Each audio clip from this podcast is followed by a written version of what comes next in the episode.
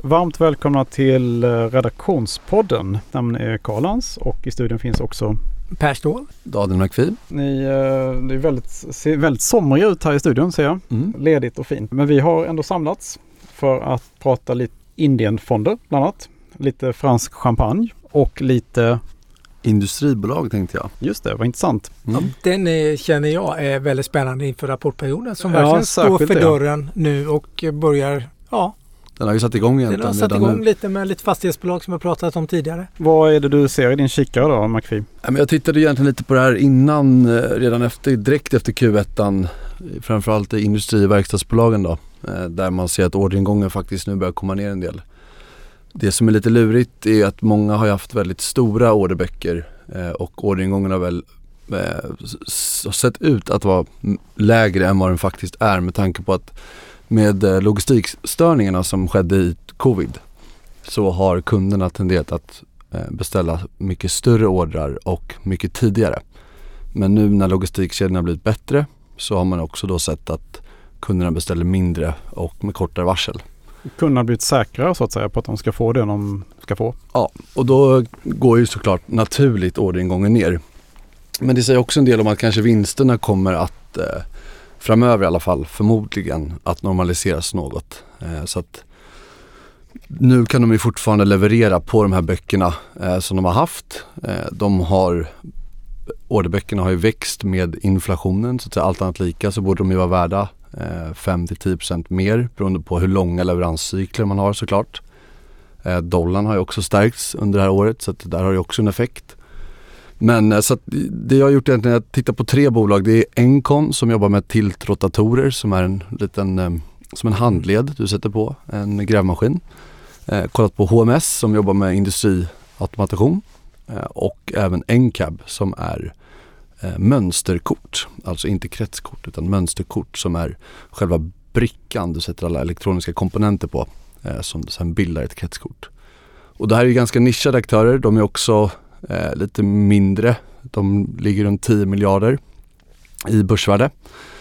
Eh, men så att jag tycker det är lite intressant att titta men alla de har eh, hade redan i Q1 då, minskad orderingång organiskt eh, och det var mellan då 20% hade HMS eh, och faktiskt i Q1 gick Encon ner, eh, eller orderingången var ner 33%. Samtidigt kan man säga att deras vinsttillväxt var ju extrem under eh, första kvartalet så att Encon som hade lägst, eller ja, störst minskning i orderingången hade också högst vinsttillväxt med, till med nästan, eller den mer än dubblade vinsten jämfört med Q1 förra året. Då. Och aktiekurserna har gått väldigt bra för alla de här bolagen va? Ja, så trots att de här orderingångarna faktiskt kommit ner ganska mycket så har aktiekurserna gått väldigt bra i år. Så att de är väl upp ja, mellan 20 och 40 procent de här aktierna.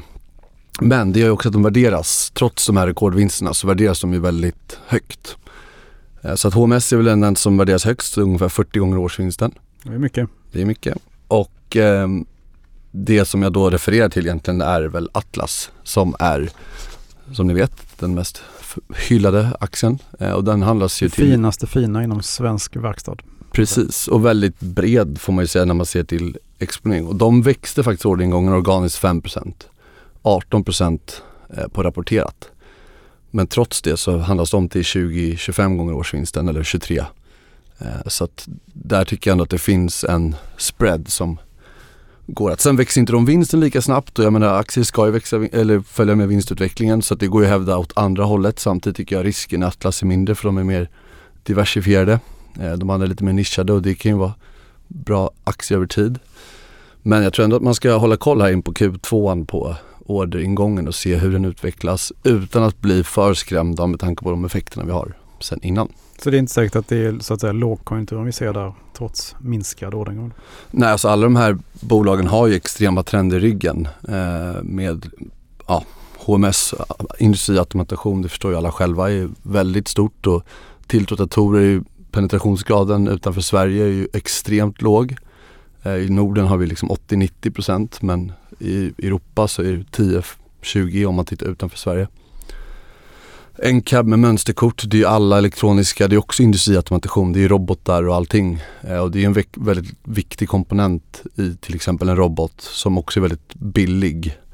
Eh, så att det är ingenting som man kanske prispressar i första hand. Och det är också väldigt viktigt att den funkar. För om den inte funkar så måste man byta ut hela kretskortet där alla elektroniska komponenter ligger. Vi kan prata evigheter om det här men eh, det ehm, jag tror bara mer man ska hålla koll Och som sagt, de här tre har ju faktiskt växtvinsten bättre än Atlas. Så det finns ju en, en rimlighet i att de är högre värderade. Men det som jag vill resonera lite kring är att säga att dollarn då, eftersom vi har valutadopade vinster i alla de här bolagen. Skulle dollarn försvagas eller säg kronan stärkas då mot våra andra valutor, säg 10% samtidigt som efterfrågan går ner, då är det inte omöjligt att vinsterna kommer ner 20-25 utan att det behöver procent, utan att det behöver vara något så jättedramatiskt som har skett. Och då pratar vi värderingar 40-50 gånger vinsten istället. Så en kronförstärkning här som många kanske hoppas på faktiskt. Ja, och tittar man på Nibe kan man ju säga då, bara för att flika in, Eh, där har vi ju faktiskt nu sett hur aktien är ner 25% sedan mitten på april. Och det är väl det som är lite risken att köper aktier som handlas till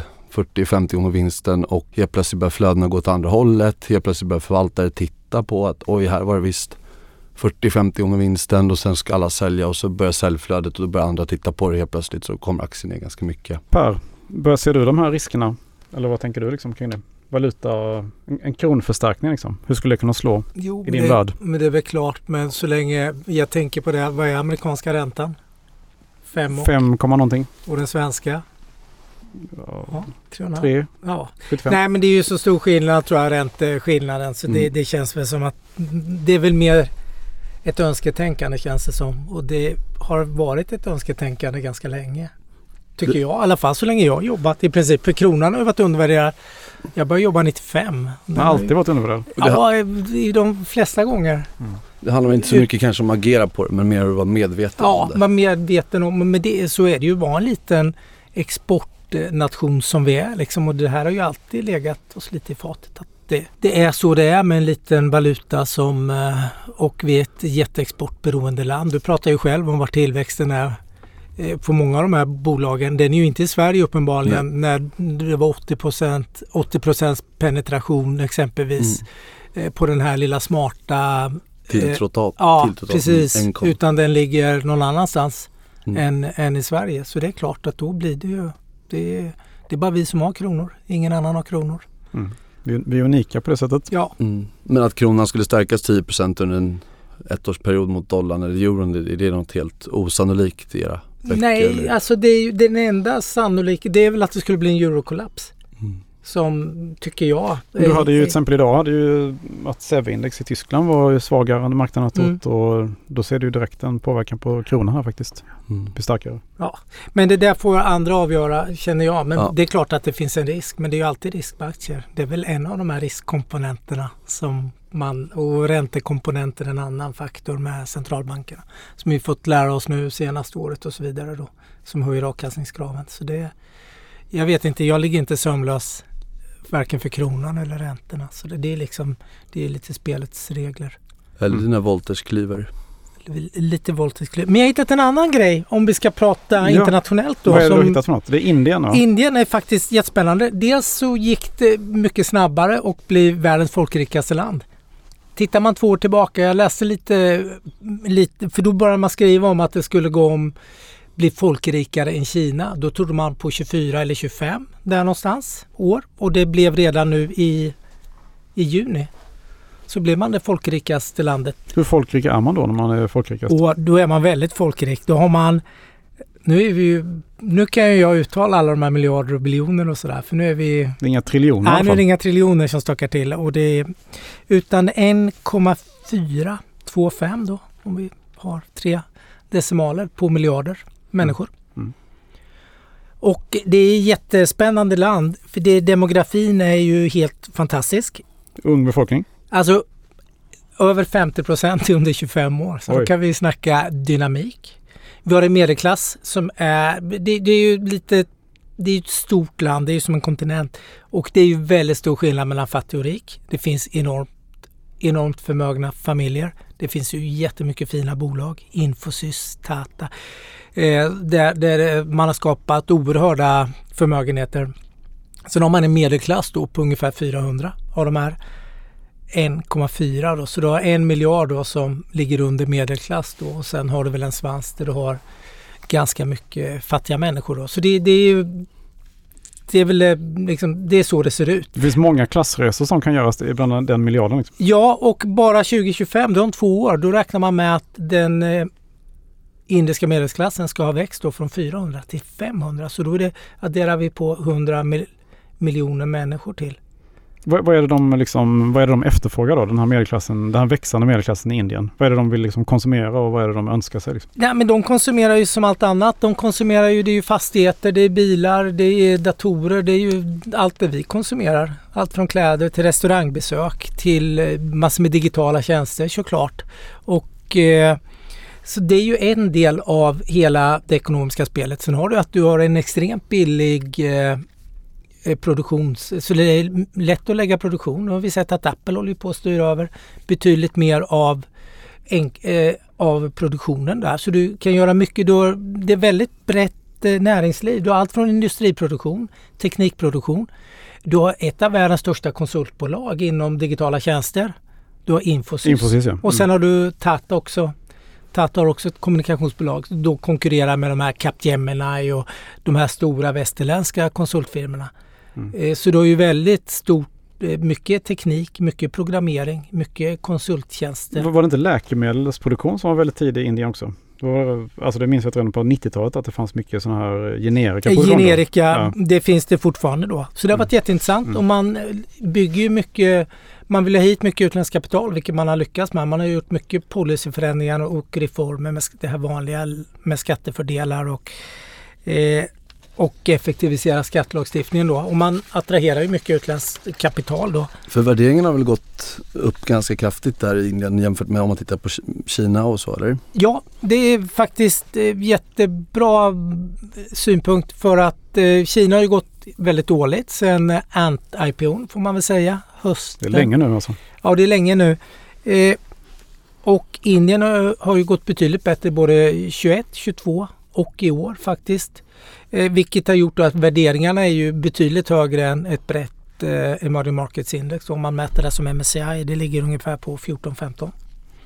Och då Indien handlas på nästa års vinster på 21 och årets vinster på 25 ungefär.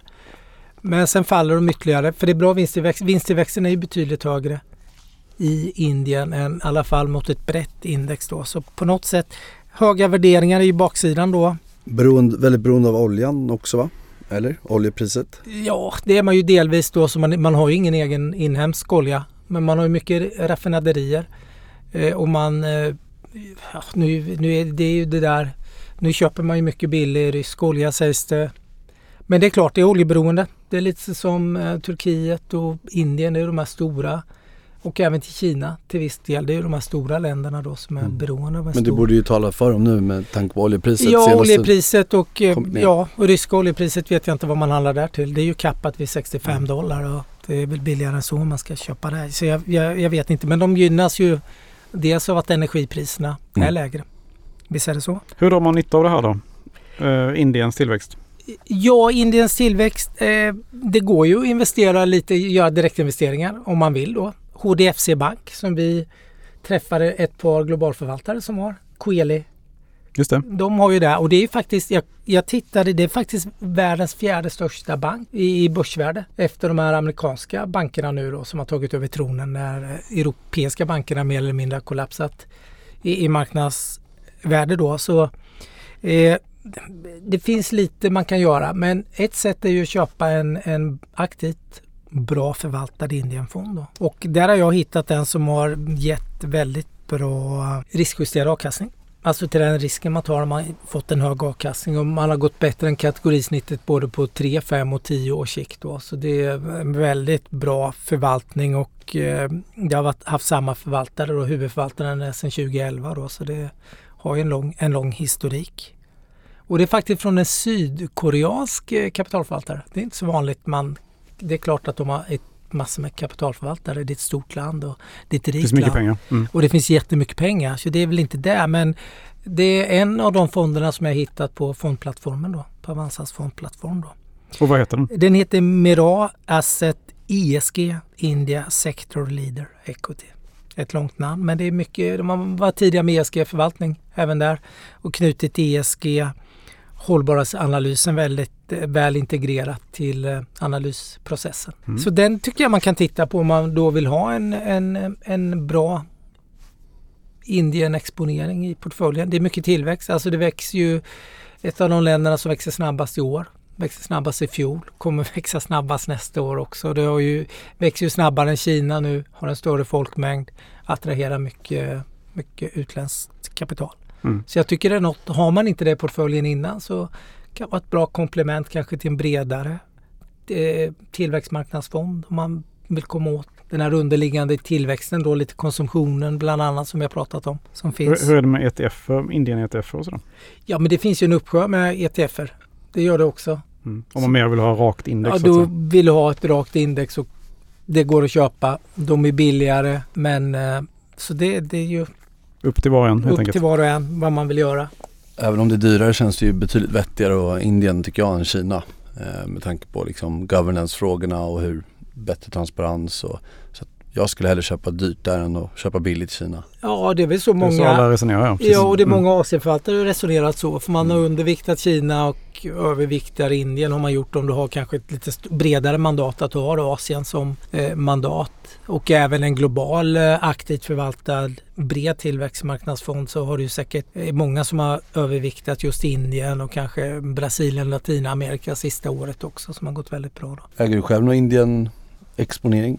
Nej, jag har ingen ren Indienfond faktiskt. Nej. Utan de har jag i lite bredare tillväxtmarknads... Jag ägde certifikaten fram till uh, något år sedan. Vet jag. Ja, jag har kollat lite på champagne. Det, gillar, det är din sektor egentligen. Ja, men jag förstod ju. Det var så pinsamt igår. För jag var när jag Karl tog upp det där. Jag trodde det var en jävla Du sa bubbel, bubbelvatten. Jag tänkte uh -huh. jag hade helt hjärnsläpp.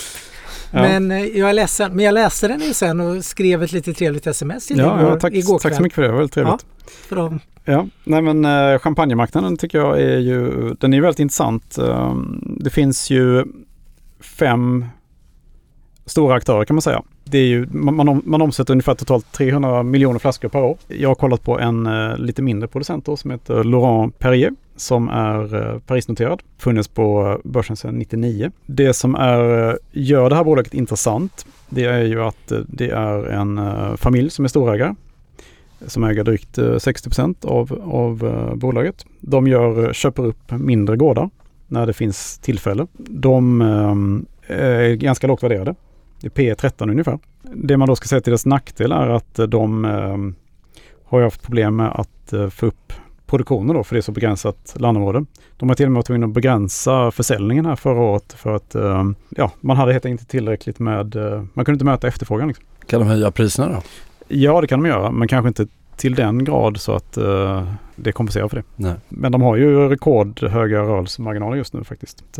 På det sättet ser det bra ut. Det, det är ju intressant på så vis att det är billigt men det är lite för dålig vinsttillväxt tror jag säga, om man ser prognosen framåt. Hur växer de ungefär ett sånt bolag? Är det 10-15% eller på årsbasis? Ja, det är mindre, ungefär 5 procent. Okay. Men det låter som det är prishöjningen ungefär. Mm. Ja, det är väl ungefär, på, det är väl ja. ungefär prishöjning kan man säga. Hur eh. ofta gör de sina, för de, de äger ju ett antal vin, andra champagnehus så jag. Ja, precis. Eh, flera av dem kände man till. Ja. Och är lite, hyggligt stora i alla fall. Men hur ofta gör, genomför man de här, hur ofta går det att hitta ett, ett eh, champagnehus som är ute till Ja, jag tror inte att det är så ofta längre. Utan det är nog, det här är nog liksom 5-10 år tillbaka i tiden man senast köpte någonting. Så att de växer inte på träd, champagnehus. Vad finns det för möjlighet att typ LVMH eller de här köper upp? En ja, sån det, med tanke på det, att det är en det, arbitrageaffär. Det är ju såklart en, en det är en god möjlighet här faktiskt. Mm. Jag skulle tro att det här är typiskt en sån som LVMH skulle vara intresserade av att köpa om de fick möjlighet till det. Och särskilt på den här prisnivån just nu skulle det vara helt okej okay faktiskt att ta in det. Så att den optionen finns hela tiden i, i um, i Laurent Perrier. Plus att det är lite trevligt att äga champagnegårdar. Det här är ju en renodlad champagnetillverkare. Liksom. Ja, det, är inte så många, det finns ju ingen annan som är riktiga, helt renodlad. Liksom. Den är renodlad och det är sjukt stabil eh, verksamhet om det inte blir...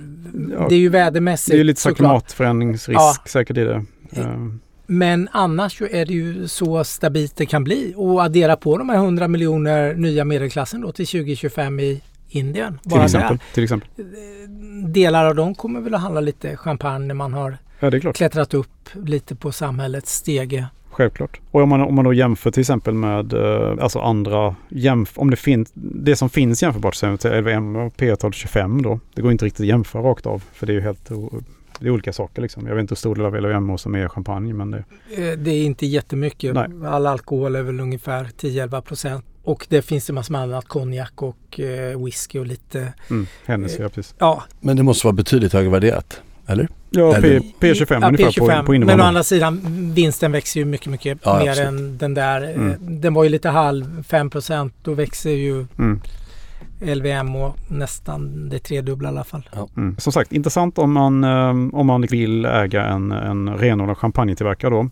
Lite svag vinsttillväxt men billigt och familjeägt. Så att, uh, jag tycker det tickar för ganska, ganska intressant ändå. Jag mm. Men uh, jag valde att sätta neutral ändå. Mm. mm. Om man jämför med andra bolag som växer vinsten mycket snabbare. Vad köper du helst? En korktillverkare eller champagnetillverkare? Om det, vi pratar den portugisiska korktillverkaren som skrev om i januari så ska jag nog hellre köpa den faktiskt. Mm. För att det är ändå, kork är ju ett material som är lite bredare eh, användningsområde. Mycket bredare användningsområde och man hittar desto nya användningsområden. Du pratar till och med att, att du funderar på korkgolv, eller hur? Kork, precis, ja, det korkgolv. Mm, och du var hemma hos någon som hade korkgolv. Ja, det minns jag också nu. Ja. Så det korkgolv har jag aldrig tänkt på förrän mm. eh, för några månader sedan när du var på någon korkgolvsfest eh, uppenbarligen. Men, och du bara pratade om korkgolv. Men sen var det någon som påpekade för mig att det där ser ut som offentliga byggnader på 1970-talet. Och då kom jag på, ja men så är det nog faktiskt. Men hade man kork då? Ja, det kanske man Vissa, hade. Ja, jo man har haft det. Ja. Det, har, det har funnits en korkperiod tidigare. Liksom. Kanske fake kork. ja, men det är dags att korka igen den här sändningen tycker jag. Ja, det tycker jag. Det är ju fortfarande soligt och varmt. Och inga yep. egna affärer? Nej, jag har inte, jag har, har inte gjort något. något. Nej. Har du gjort något? Ja, jag, jag poddade väl i fredags senast. Ja. Det blev lite tidsramen där. Men jag men, tror jag sålde ner lite, lite till i Hexatronic där på eftermiddagen eftersom vi poddade på förmiddagen. Ja. Och sen tror jag köpte lite, lite, lite SCA. Det kunde jag inte heller hålla mig ifrån. Mm. Men nu tror jag att det är färdighandlat för sommaren faktiskt. Mm. Ja, och det är rapportperiod. Man vill ja. vänta in lite kan jag tänka mig. Eller så känner jag. Ja. Se lite, få bolagen att bekänna. Särskilt de här man har som är lite högt värderat i portföljen. Där orderingången faller? Ja, om den gör det. Det skulle bli intressant att se. Mm. Jag tänker på ASML. Det skulle bli lite spännande. De har, skulle, kom i veckan nu att de har lite sådär rekryteringsstopp. Får se vad det innebär. Det, det sa ju faktiskt Atlas att ja. eh, i Q1 redan att halvledarsektorn är helt eh, vakuum tillbehör. Mm. Allt är helt. Microsoft eh, sparkade säljaren också. Mm, jag såg det. Så det är lite sådär. Nvidia vill man se. Den eh, har ju gått som ett eh, skållat troll i år. Den vill man ju verkligen se. Det du är inne på. Hur efterfrågan ser ut och orderingång och eh, dylikt på de här kanske lite mer högmarginal halvledarna då, de är jätteavancerade mm. för AI och så då, ifall det är bara början på en bubbla där med AI eller att de verkligen har stor efterfrågan. Eller är det något man kan eh, rekommendera änkor och faderslösa? Ja. Som Winston brukar säga. Precis. Yes, ha, ha en trevlig helg. Ja, trevlig helg. Trevlig helg.